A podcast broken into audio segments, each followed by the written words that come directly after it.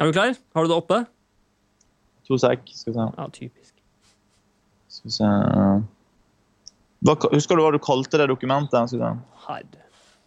Jeg, jeg kan finne det her. Sorry. Nei, det, jeg bare, det går bra, det, Philip. Det går veldig Ja. bra.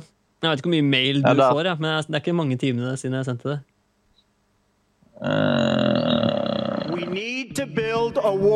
Jonas Gahr Støre har reist rundt i landet og sagt at det er en bløff med tiltakspakken vår. It's one small step for man, one giant leap for mankind. Vi har gjort ting sammen som ikke har vært så klokt. Donald Trump is temperamentally unfit. Det er jeg som har sittet og forhandla. Hei, og hjertelig velkommen til Ærlig talt, Norges første podkast om politisk retorikk. Etter valget i forrige uke så skal jeg dvele lenge med den introduksjonen her, men heller sette rett over til deg, Philip André Bårøy i Washington DC. Philip, hva er det som skjer? Kan du forklare det her, eller? Jeg kan i hvert fall si at uh, veldig mange her i DC er veldig overrasket. Uh, på valgvaken hos den norske ambassaden uh, hvor jeg tilbringte kvelden og natten, så trodde jo de aller fleste på et annet resultat. Noe eh, samtlige meningsmålinger eh, tydet på i forkant. Og nå i ettertid så er det jo veldig mange som undrer seg over hvordan man kunne ta så feil. Ja, Jeg kan melde om ganske tilsvarende episode her i eh, Oslo. Vi ærlig talt, hadde jo valgvake sammen med Du Verden på Kulturhuset. Og etter midnatt så var stemningen veldig god. Folk minglet, hadde gode ting i glasset, og vi hadde hatt interessante paneldebatter i fleng i løpet av kvelden. Eh, vi kan starte med å høre et lite utdrag fra samtalen jeg hadde med retorikkprofessor Kjellars Berge og stipendiat Bente Karlsnes ved UiO. Nå så jeg her sånn at eh, han allerede har truet med å eh, saksøke Nevada fordi de har hatt valglokalene oppe to timer for lenge. Implisitt at hvis folk går til valglokalene, så vinner ikke jeg. Altså, For jeg har jo egentlig vunnet på forhånd, for jeg vet at jeg egentlig har støttet folket. Altså, det er, det er, Logikken i sånn argumentasjon er fraværende. Som dere hører, så var det jo altså veldig god stemning på Kulturhuset. Og tonen vi har i denne paneldebatten, tilsier jo også at ingen av oss tror at Donald Trump kommer til å bli eh, USAs 45. president. Men etter dette her så skrur vi jo på CNN når vi følger eh, valgnatten. Og det som skjer, er jo at lydnivået senker seg i takt med at valgdagsprognosene fra Wolf Blitzer presenteres på skjermen. Folk scroller mer og mer på mobilen, og at Twitter ikke kollapser, er nærmest et under.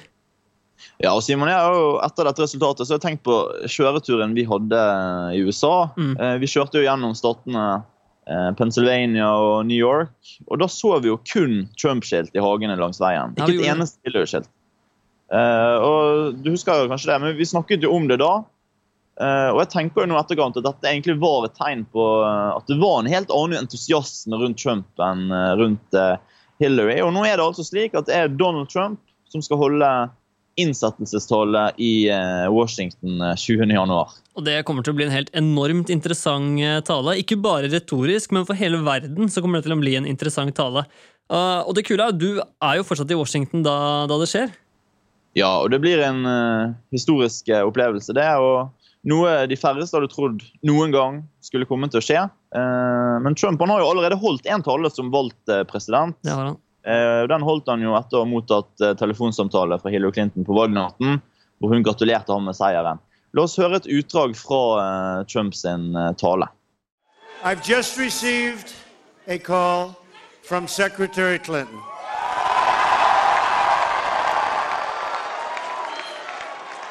She congratulated us, it's about us, on our victory. And I congratulated her and her family on a very, very hard fought campaign. I mean, she, she fought very hard.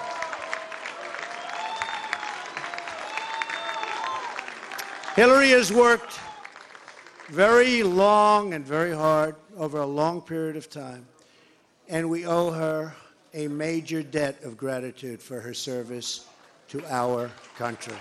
I mean that very sincerely. Og dette er eh, andre toner enn eh, de vi har hørt tidligere. Crooked Hillary har nå blitt til en hattkjempende motstander. Eh, ting som Such a Nasty Woman har blitt til at eh, vi skylder henne enorme mengder takknemlighet. Hva er det vi hører, Philip? Er det forsoning? Ja, Det er i hvert fall det jeg mener er et veldig godt svar på øh, denne såkalt retoriske situasjonen.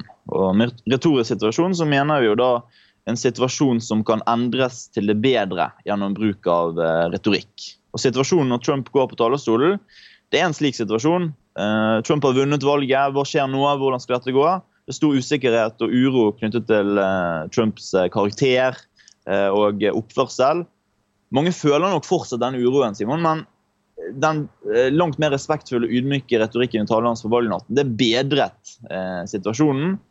Og jeg mener også Trumps retorikk på The Oval Office sammen med Obama torsdag forrige uke også bidrar til at uroen er litt mindre. Eh, la oss høre et utdrag fra det Trump sa til om Obama i Det hvite hus eh, da. Well, thank you very much, President Obama.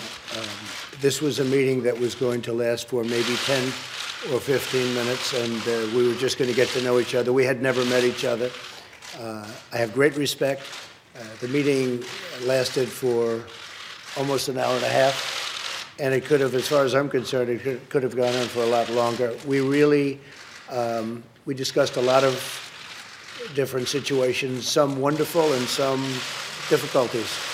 Um, I very much look forward to dealing with the president in the future, including counsel. Uh, he's uh, he explained some of the difficulties, some of the the high-flying assets, and some of the some of the really great things that have been achieved. Uh, so, Mr. President, it was a great honor being with you, and I look forward to being with you many, many more times in the future. Thank you, sir. Ja, vi ser noen annen side av Trump, og han tar skritt i retning av å bli mer spiselig for flere. Og eh, for min egen del, altså Før Trump og Obamas møte med pressen så var jeg veldig urolig for hvordan det ville gå. Men da jeg så og hørte Trump eh, rose og være mer ydmyk og respektfull overfor Obama, så ble jeg mindre urolig. Eh, og Dermed mener jeg altså det var en, et godt svar på den eh, retoriske eh, situasjonen. Og så vil noen kanskje si at Trump han kunne ikke sagt noe annet. Men, altså, Eh, at han ikke hadde noen annen mulighet enn å si, si dette her. Men tror du ikke på en måte at den retoriske endringen vi ser hos Trump nå, denne pragmatiske og polerte Trump, vil provosere mange velgere som tidligere endelig har fått en talsperson som sier det som det er, og er ærlig selv om han lyver? Jo, det, det er mulig, men, men for å bare fullføre resonnementet mitt som begynte på der, altså, fordi at Mange sier jo kanskje da at han ikke hadde noen mulighet eh, til å si noe annet. Men da vil jeg minne om at dette er Trump. Eh, selvfølgelig kunne han sagt noe annet. Han kunne sagt ting som kunne forverret situasjonen veldig. Eh, hvis han f.eks. på valgnatten hadde sagt, eh, kjørt en slags sånn amerikansk versjon av, eh, av eh, Siv Jensen sin 'Monna Jens' og sagt at nå skal endelig Hillary i fengsel, så ville det definitivt ikke vært noe godt svar på retursituasjonen. Og denne uroen, fortvilelsen og ikke minst eh, polariseringen i USA ville forverret seg eh, enormt, tror jeg. Men tror du ikke Eh. mange også ville ha denne Monna Jens-kommentaren? Tror du ikke det er mange som eh, nå føler seg lurt når de får denne polerte Trump eh, kastet i fleisen? Altså, vi kan jo høre med gjesten vår senere om akkurat dette her, men, men jeg tror ikke det. Jeg registrerer en ganske sånn stor forståelse for at Trump nå endrer stil, og en, en mye større forståelse også når det gjelder valgløftene til Trump. Eh, enn det som kanskje er vanlig eh, En mye større forståelse enn det som er vanlig hos velgere for valgte politikere. For eh, denne her eh, muren mot Mexico, som Mexico skal betale for. Jeg så nettopp intervju med noen Trump-tilhengere eh, på TV her som eh, ikke oppfattet dette som en fysisk mur, men bare et bilde, et symbol på strengere grensepolitikk. Og Det forteller oss at det er en ganske stor forståelse for at Trump nå eh, endrer eh, også sin eh, språklige stil. Og eh, dessuten så tror jeg også at eh, mange republikanere har jo hatt eh, det har jo tenkt at Ankepunktet til Trump er jo nettopp hans vulgære stil, og de liker jo definitivt at han nå eh, uttaler seg mer respektfullt og, og mer eh, samlende. da. Og det er veldig interessant, for i første episode av podkasten tidlig denne høsten så fastslo du og jeg, Philip, at retorikken kom til å bli avgjørende for den amerikanske valgkampen. Nå står vi ved veis ende, og det er på tide å være litt kritisk tenker jeg, for hvor stor rolle spilte egentlig retorikken. Kunne Trump snakket hvordan han ville og likevel vunnet? Ting eh, tyder litt på det, kanskje. Vi stiller spørsmålene til høyskolelektor ved BI og retorikkspaltist i Aftenposten, Ratna Elisabeth Kamsvåg. Men først et ord fra ærlig tals annonsør. Denne annonsen er sponset av kommunikasjonsbyrået Retorika. Du finner de på retorika.no. Valget er over, Philip, men jeg føler ikke at jeg er særlig ferdig med amerikansk politikk likevel. Nei, nå begynner et eh, helt nytt kapittel i historien om Donald Trump. Eh, 20. januar skal eh, han holde sin innsettelsestale i Washington DC. Talen som markerer starten på hans eh, presidentperiode, begynnelsen av hans tid som eh, leder av den frie verden. Ja, fordi etter åtte år med Barack Obama, eh, denne store visjonæren, så er det altså eiendomsmogulen fra New York, reality-stjernen og TV-kjendisen Donald Trump som blir amerikanernes 45. president. Altså, Det er klart at det har fått mediene til å koke. Definitivt. Hver dag eh, så produseres det kronikker, spalter og meninger. Det skrives i nettaviser, det raljeres i blogger, og det postes på sosiale medier. Og dette gjelder egentlig ikke bare amerikansk politikk, men eh, meninger generelt de er overalt. de. Og det tenker jeg sånn, selvfølgelig er en god ting. Altså, I beste fall så leser vi oss opp, vi tar inn over oss ulike meninger, vi reflekterer, og i ytterste instans så kanskje mener vi noe selv også. Ja, men gjelder det oss, Simon? Ja, Vi er jo ofte litt forsiktige med å mene så mye, vi, da. Ja, det har vi faktisk. Eh, Det er et innmari godt poeng, Philip. Eh, Men når jeg først kaster meg ut, når jeg først på måte er på den dype enden av bassenget og mener et eller annet, da vil jeg jo gjerne at det skal komme frem. Kommunikasjonsbyrået Retorika er spesialister på retorikk, og de vet hvordan man får frem budskapet. Ja, For oss som enkeltindivider så er det dumt hvis budskapet ikke kommer tydelig fram. Men for en virksomhet så kan det bli mer enn dumt. Det kan bli dyrt også. Å skrive tungt gjør at eh, meldingen kan bli vanskelig å bryte ned. Den blir ikke bare håpløs å tolke, men den blir også veldig krevende å forstå. Altså jeg må bare få si at Hvis noe er skrevet utydelig, så hjelper det ikke hvor grammatisk korrekt det måtte være. Jeg kan faktisk la meg irritere og tenker at personen eller virksomheten som har skrevet, ikke bryr seg om meg som leser. Så ikke bare for å nå opp og frem i en verden full av ytringer, men også forsikre deg om at budskapet blir forstått. Jobb med språket. La livlig og variert språk være like selvsagt som korrekturlesingen. Det sparer både tid og penger. Velkommen i studio, Ratna Elisabeth Kamsvåg. Du er annet høyskolelektor ved Instituttet for kommunikasjon og kultur på BI, retorikkspaltist i Aftenposten. Fantastisk hyggelig å ha deg i studio med oss. Eh, I våres så var du visiting scholar i statsvitenskap på Columbia University i New York. Det er Trumps fødeby, og det er metropolen hvor Hillary Clinton var senator. Jeg går ut fra at heller ikke der kunne man forutse det som har skjedd nå? Eh, nei, altså Forutse er det jo er det vel egentlig ingen som har gjort, verken på den ene eller andre sida, fordi eh, det er jo bare sannsynligheter vi snakker om. Men eh, jeg syns det er ganske påfallende eh, altså stor forskjell da, mellom måten man snakker om Donald Trump på der, og måten man snakka om Donald Trump på her. Det, men det her var jo i vår, ikke sant? så det var jo under eh, primærvalget osv. Så, videre, så det har jo skjedd ting selvfølgelig i etterkant. Hva gikk den forskjellen ut på? Um, her så opplevde jeg før jeg dro at vi eh, det, var egentlig ingen som tok eh, Donald Trump seriøst. eh, eller tok han på alvor, og at han var på en måte en slags sånn klovn i et eh, sirkus. Eh, Da jeg kom dit, så var det første, mitt første møte da, med, eh, med mine kollegaer der, som, som jobber på Department of Political Science, så var jo det at nettopp dem eh, det første de sa til meg, at her er det flere i manesjen. Og det de mente da, var jo blant annet at Bernie Sanders er tilsvarende, selvfølgelig på den andre sida, men tilsvarende ja, Det er jo vanskelig å kalle han en klovn, selvfølgelig, men at han var eh, også en person som eh, som brakt liksom helt andre typer tanker til torg, som ikke var liksom den har fulgt den vanlige eh, demokratiske måten å snakke om politikk på, osv. Tidlig i høst eh, Ratna, så sa jo eh, Simon og jeg, eh, ut ifra en sånn klassisk forståelse av eh, retorikk, at den med best retorikk eh, kommer til å vinne valget. Og Nå står vi her etter valget og, og lurer egentlig på om dette stemte. Var det Trump som hadde best eh, retorikk?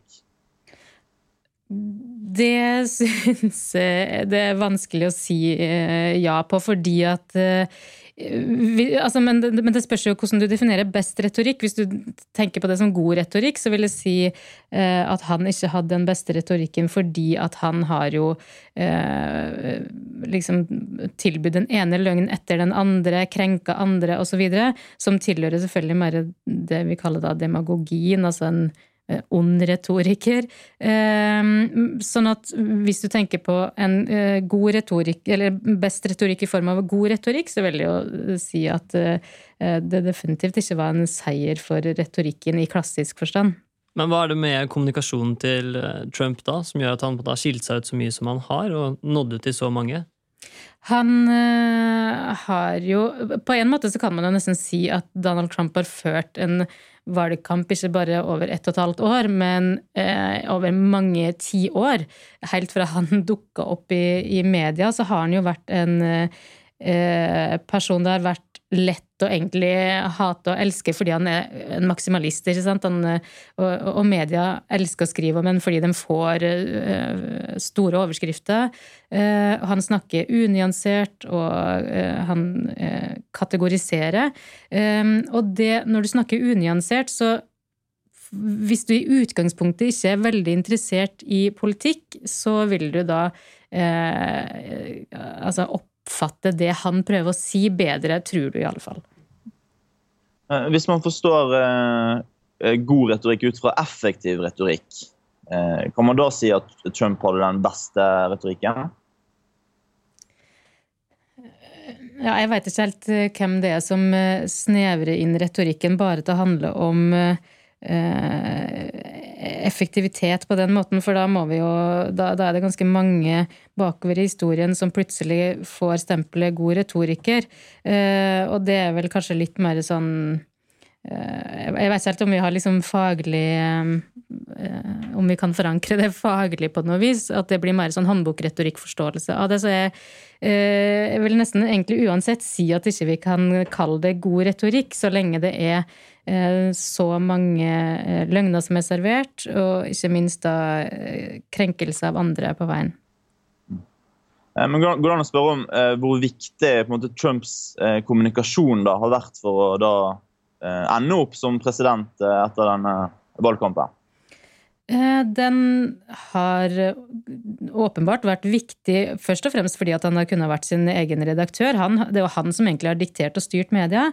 Eh, blant annet gjennom eh, Twitter osv. Og, og han, husk at han har gjort det her i mange mange tiår før, sånn at han veit hvordan han skal styre media. Og det har jo underveis i, eh, i både primærvalget og nå i hovedvalget, så har jo også journalister snakka om det at Eh, Donald Trump sjøl har ringt inn til redaksjoner, f.eks., enten for å prøve å uh, plugge en sak eller for å prøve å spinne en sak. Uh, mens ingen andre kandidater gjør det, fordi de har det her store apparatet. Mens han liksom vil være sin egen redaktør og ta kontroll på det meste. Og det er jo annet fordi han veit hva som fungerer, han veit hvordan han skal få oppmerksomhet. Og den oppmerksomheten, altså I september så skrev du et innlegg i eh, Aftenposten hvor du mente at en av Trumps fordeler var at hans publikum ikke får med seg politiske kommentarer. Hva mener du med det? Nei, jeg mener både det at det, altså det ene er at de ikke får det med seg fordi de øh, øh, altså ikke nødvendigvis er interessert i politikk på den måten. Mm. Det de er interessert i, er hverdagen sin. De er ikke interessert i orda og politikken på et politisk nivå. Ehm, så det er jo det ene. Og da, sant, at hvis man ikke er interessert i politikk på den måten, så mister man òg interessen for å sitte og se på panel og den her altså metadebatten. Da. Mm. Um, og så er jo og så er det også sånn at uh, Trump sine velgere kanskje først og fremst kjenner han som en TV-stjerne og en forretningsmann. Eh, og at det, liksom, det er det de eh, ser på. Og, og, her må vi jo huske at det, det, vi får med oss her i Norge, er jo stort sett, eh, hvis vi overdriver litt, referanser fra CNN. ikke sant? Her er det eh, meningsmålinger fra CNN, og det er eh, det som politiske kommentatorer snakker om der. mens da jeg var der i vår, så sørger jeg i hvert fall òg for å se minst like mye på Fox News, f.eks., mm. som selvfølgelig også har vært kritisk til Donald Trump, men snakke om det på en helt annen måte. Mm. Um, så, så, i det innlegget du viser til, så er det jo det er ikke bare det at uh, at mange av Trumps velgere ikke nødvendigvis får med seg eh, politiske eh, kommentarer etterpå, men det at de ikke da I den grad de gjør det, så får, de ikke, får, de kanskje ikke med seg dem som er mest kritiske til ham, som sett, eh, sett det han har sagt, og, osv. i et perspektiv. Mm. Uh, og Du er jo inne på det, dette med i, denne, i denne kommentaren også på dette med identifikasjon. At det ikke nødvendigvis er dette med identifikasjon eh, man bør henge seg så mye opp i. Eh, altså identifikasjon eh, velgerne føler da med eh, den nyvalgte presidenten, men i større grad eh, som du som jeg var inne på, altså forholdet mange amerikanere hadde til Trump forut for valgkampen. kan du utdype det litt? Ja, fordi at jeg tror det er ganske Hvis vi ser på hvem det er som har stemt på Donald Trump, så er det jo så er ikke det så mange av dem ville anta som har gullbelagt heis hjemme og, og, og så videre og så videre, og privat for de som er liksom større og bedre utstyrt enn en Air Force One osv. Så videre. sånn at jeg tror kanskje den identifiseringa i så fall handler om. Um, at han gjennom måten han snakker på, kanskje eh, greier liksom Språkestetikken. At han greier der å um, At de identifiserer seg med han på det. Men, men, han som person tror jeg ikke så mange identifiserer seg um, med måten han på en måte har oppnådd suksess på.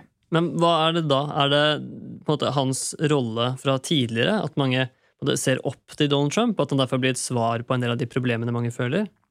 Ja, fordi han har jo, sånn som de ser det, og spesielt da gjennom denne eh, serien som um, The Apprentice, som mm. har gått i mange, mange, mange sesonger, som mange amerikanere har sett på, som egentlig er en sånn stor reklameplakat eller stor reklamekampanje for han, egentlig der han er regissert og framstilt på en måte som Altså, ja, han er en eh, tøff forhandler, og han er eh, røff i språket der òg, men, men amerikanere er jo de, de, er på en måte vant til å liksom må jobbe for ting. og de har, altså, så de er ikke, Jeg tror ikke det er der det ligger. Det de ser der, er jo en leder som får det til.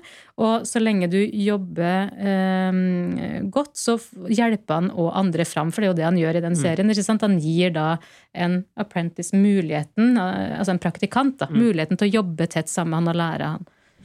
Ja, og Angående dette med identifikasjonen, kan det faktisk være at det, at det er det motsatte som er tilfellet? At, at Trump ikke først og fremst en, en som tilhengerne identifiserer seg med, men at han har egenskap, egenskaper som, eh, som tilhengerne ikke har. At han har egenskaper tilhengerne lengter etter og føler de trenger. Ja, det er jo veldig interessant, et interessant perspektiv eh, som, som eh, kanskje gjelder for noen av dem, i hvert fall. At, eh, eh, men jeg tror nok kanskje det handler like mye om at de føler at de har sett Eh, Donald Trump i aksjon, på en måte. Mm. Og at de da greier å forestille seg eh, den her ideen om at han skal sitte eh, rundt et forhandlingsbord i Washington og rett og slett greie å få i land avtaler og, som er bra for dem, basert på det han har sagt da, i valgkampen at han vil gjennomføre. Jeg vil litt over på debattene nå. fordi Media har diskutert debattene opp og ned og opp og i mente, og det har blitt kåret vinnere til både høyre og venstre. Samtidig som han har vært litt sånn påpasselig med å si at denne valgkampen er spesiell, og at vanlige normer for debatt eh, gjelder ikke akkurat nå. Så gjør man det fortsatt. Man holder på og liksom kommenterer, og vi utroper vinnere, og vi spør folk hvem er det som har vunnet denne debatten. Eh, har den, Hvis det er sånn at de som stemmer på Trump, ikke får med seg denne type kommentarer uansett, har debattene egentlig vært helt irrelevante? Irrelevant tror jeg ikke de har vært, fordi det er såpass mange som har sett på det. Men jeg tror det er ganske viktig å ta i betraktning her at vi eh, ikke bare i den sammenhengen her, men alltid er på en måte altså det, det, er umulig for oss å eh, absorbere alt som skjer i en debatt, eller i, helt, i andre uh, sammenhenger. Andre TV-program for den del. Sånn at vi siler jo ut det vi syns er interessant, og vi òg leiter etter det som bekrefter det inntrykket, eller den oppfatninga vi allerede har. Så, jo, så, derfor så vil man få forskjellige svar. ikke sant? Altså, mange vil si at Donald Trump såkalt har vant en debatt, eller at og Clinton sine tilhengere vil si det motsatte. Men så har du òg kommentariatet, som prøver å rasjonalisere det her, og prøver å argumentere liksom, rasjonelt for hvorfor Hillary Clinton vant eh, en debatt som egentlig blir meningsløs, fordi er, alt, jo, alt, tyder jo på at det her ikke har vært et rasjonelt valg. Mm. Så hva er det på en måte som har vært rasjonelt? Altså, hva, hvor er det man har sanket stemmer? Mener du på en måte at alle de som verdsatte Donald Trump på forhånd, hadde fulgt med på Amenities i mange år og sett Daytime TV om og om igjen. Var dette på en måte egentlig forutbestemt? Altså var det, var det, hvor mange hadde Trump greid å overbevise i løpet av valgkampen? Altså et, det som er litt interessant nå um, CNN lanserer i disse dager ei bok om mm. den spesielle valgkampen, der de også da påstår å ha kilder på at Donald Trump egentlig sjøl ikke hadde forestilt seg at han skulle komme lenger enn til oktober eller noe sånt i fjor.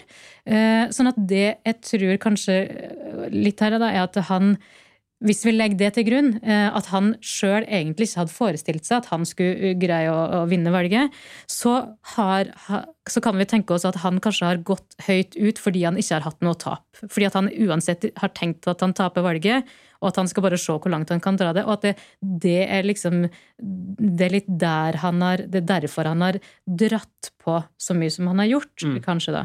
Um, men uh, men jeg tror altså fordi nå må vi liksom, når vi ser på valgkampen, både primærvalget og hovedvalget, um, i ettertid så må vi åpne for alle mulige liksom, analyser. At vi ikke lukker oss inn i uh, den sånn der flokkmentaliteten der vi mm. bare uh, følger den her um, alle forklaringsmodeller som blir gitt fra uh, etablerte eksperter. At vi mm. liksom orker å gå en ekstra runde og se ting fra andre uh, sider. For en sånn klassisk teori som mange uh, støtter seg på nå, er jo at eh, mye av grunnen til Trumps suksess er mistilliten mot Hillary Clinton eh, også. At, men i hvor stor grad tror du hennes retorikk har vært med på å bekrefte det inntrykket av seg selv, og dermed fått veldig mange til å stemme republikansk? der tror jeg faktisk at måten hun har framstått på, kanskje har eh, altså For hun har jo jobba veldig med å hun, hun, er jo delvis klar over, tror jeg, um, at uh, Ja, at hun sliter med det som heter likeability, ikke sant? Mm. Men, men hun har jo prøvd å være altså rett og slett profesjonell. Og prøvd å ikke gå ned på hans nivå. Hun har prøvd å holde seg til sak, og det er jo òg annet fordi at hun, hun har ikke vært tjent med at debatten har foregått bare på sånn personnivå personangrep, fordi det tross alt er ting det har vært mulig å uh, rette pekefinger mot henne på òg. Ehm, men jeg, jeg, jeg, tror kanskje ikke uh, det først og fremst er hun sjøl som har uh, Altså i valgkampen alene, da, som har gjort at um, at ellers demokrater har valgt å stemme republikansk, men, men at det er ytre omstendigheter og tidligere eh, hendelser som kanskje har eh, påvirka det i den retninga. Mm. Ja. Hvis vi skal se litt framover nå 20. Eh, januar så er det jo inauguration speech eh, her i Washington. og eh, Vi hører jo nå en, en annen Trump. Allerede i takketallet på valgnatten så var det en helt annen tone og eh, ydmykhet og Eh, forsøker å framstå mer samla. Eh, tror du eh, Ratna, at, at tilhengerne hans aksepterer en mer diplomatisk talestil nå framover? Ja, det tror jeg faktisk. Ehm, for jeg tror det viktigste for dem er at han ehm, leverer. Og han har jo lagt lista skyhøyt, og jeg tror han har enorme forventninger fra sine velgere. Så jeg tror det først og fremst er der det ligger. Og så tror jeg kanskje at dem Eh, prøver å Altså i den grad de liksom misliker det, at de prøver å eh, etterrasjonalisere det og tenke at det er det må Han må tilpasse seg noe for å greie å forhandle riktig, f.eks. For, eksempel, for å havne i en posisjon der han kan få med seg da, flere på laget. Men, eh, men, men liksom eh, den, den seierstalen var jo egentlig skrevet som en tapertale. Det vil si, den følger alle det vi kaller da sjangerkonvensjoner for en tapertale. Eh, som òg syns egentlig et, enda et kall det tegn da, på at han kanskje sjøl var overraska over å eh, vinne valget. Um, fordi det virker som den tapertalen var, eller den seierstalen var skrevet på forhånd uh, og ganske godt planlagt. Uh, Men hva, hva, er det med tall som virker som en tapertale? Nei, det er jo fordi at han bruker altså Man har tidligere eh, sagt at det er i hovedsak fem element man skal innom i en tapertale. Eh, alle de fem elementene var han innom eh, i sin seierstale. Eh, det her er jo selvfølgelig som alle andre sjangre så er det under konstant utvikling, men det er liksom derfor man sier at det grovt sett er sånn. Nå skal det sies at Hillary Clinton egenhendig har greid å lagt til et ekstra element, som jeg er ganske sikker på at vi vil se ved neste eh, valg, at vi da får eh, seks eh, element. For hun gikk jo var ganske um, eksplisitt i å uh, snakke direkte til unge Uh, unge velgere som nå ikke må liksom miste motet pga. det som har skjedd, og prøvde å liksom oppfordre det til videre politisk engasjement osv. Jeg er ganske sikker på at vi vil se det som et element i uh, tapertalen om fire år. Uh, men, men, men, det som Donald Trump har gjort, er jo da å bygge opp sin seierstale som en tapertale, annet ved å snakke om motkandidaten sin, og han prøver å som du sier, være samlende, osv. På valgvaken så snakket vi om at den politiske retorikken kan være i radikal endring eh, av og dette hele sirkuset, som vi har kalt det, med Donald Trump. Er du enig i det? I USA spesielt, eller tenker du Politisk retorikk generelt? Den er jo i konstant endring, egentlig. Og, så, og der er det jo liksom til stadighet flere ting som eh, virke, har innvirkning på måten det, det, offentlige ordskiftet også foregår på. Eh, blant annet med sosiale medier og eh, at flere får sin stemme hørt osv. Men det, det, er jo klart at når det unormale nå har blitt normalt, mm. så får man en litt annen, et, en litt annen ramme, eller nesten et annet handlingsrom. Eh, men samtidig så syns jeg at det er viktig å um, altså For nå snakker man jo om uh, Nå er det liksom litt på sida av spørsmålet ditt, men man snakker veldig mye om liksom, hva er det her å si f.eks. for, for uh, sånn som uh, kvinnelige ledere da, i, i bedriftssammenheng osv. Fordi han har vært såpass Han snakka nedsettende mot, mot kvinner i sin valgkamp osv. Og, så videre, og der tror jeg at det, det, kan få liksom to, øh, to konsekvenser. Det ene er at enkelte kanskje føler at han har legitimert øh, en sånn måte å se på andre mennesker på, altså mm. muslimer og innvandrere osv., og, så videre, og kvinner. da. Det andre er jo som òg er liksom litt svar på spørsmålet ditt med politiske eller offentlige ordskifte. Og, og, det er jo det at det òg kan være Det finnes jo ganske mange eh, fornuftige, reflekterte eh, mannfolk med god moral som tvert imot, for å disassosiere seg med Trumps verdier, jobber aktivt da, for å løfte fram eh, kvinnelige ledere, f.eks., eh, eller minoritetsgrupper, som et resultat av den skitne valgkampen som har vært. Men noe jeg tenker på er på en måte spontaniteten, uforutsigbarheten til Trump, som har blitt en sånn slags veldig fordel for han. Og så ser man litt ned på Hillary Clinton og hennes velforberedte taler, og at man er forberedt til debatter og den type ting. Tror du at den kontrasten der eh, også påvirker hvordan vi eh, snakker i politisk offentlighet fremover? Men den måten Donald Trump snakker på, eh, er jo eh, Da er det jo eh, Donald Trump som snakker. Og at jeg tror det blir vanskelig for etablerte politikere å plutselig skulle begynne å tilpasse seg en sånn spontanitet. Da. Mm. En sånn upolert stil. Fordi at, fordi at det òg representerer jo måten han tenker på. ikke sant? Altså det, det, er ganske mange lag her med eh, det, det, er ikke bare eh, Det er ikke bare liksom en sånn strategi og eh, ja. Mm. Det var alt vi hadde for i dag. Tusen takk for at du var med oss, Ratna Elisabeth Kamsvåg. Ærlig talt runder av for denne høsten. Dette var sesongens siste episode, og det har vært en spennende høst for oss, Philip. Ja, veldig veldig spennende. Og særlig spennende fordi eh, politisk retorikk eh, ser ut til å være i stor eh, endring. Og kanskje skjer det endringer i Norge også, Simon. Ja, for Spørsmålet er om den norske politiske retorikken blir påvirket av hva vi har sett i USA denne høsten. Snart begynner i hvert fall valgkampen her hjemme, og til våren så kommer jo også du tilbake til Oslo, Filip. Ja, og da tar vi ærlig talt-podkasten hjem og ser nærmere på den norske retorikken frem mot stortingsvalget 2017. Ærlig talt produseres i samarbeid med Podstar, og lydteknikk er det Eivind Arne Jensen Larsen som står for. Inntil videre takker vi for følget. God jul og godt nyttår. Ha det bra, alle sammen. Ha det bra.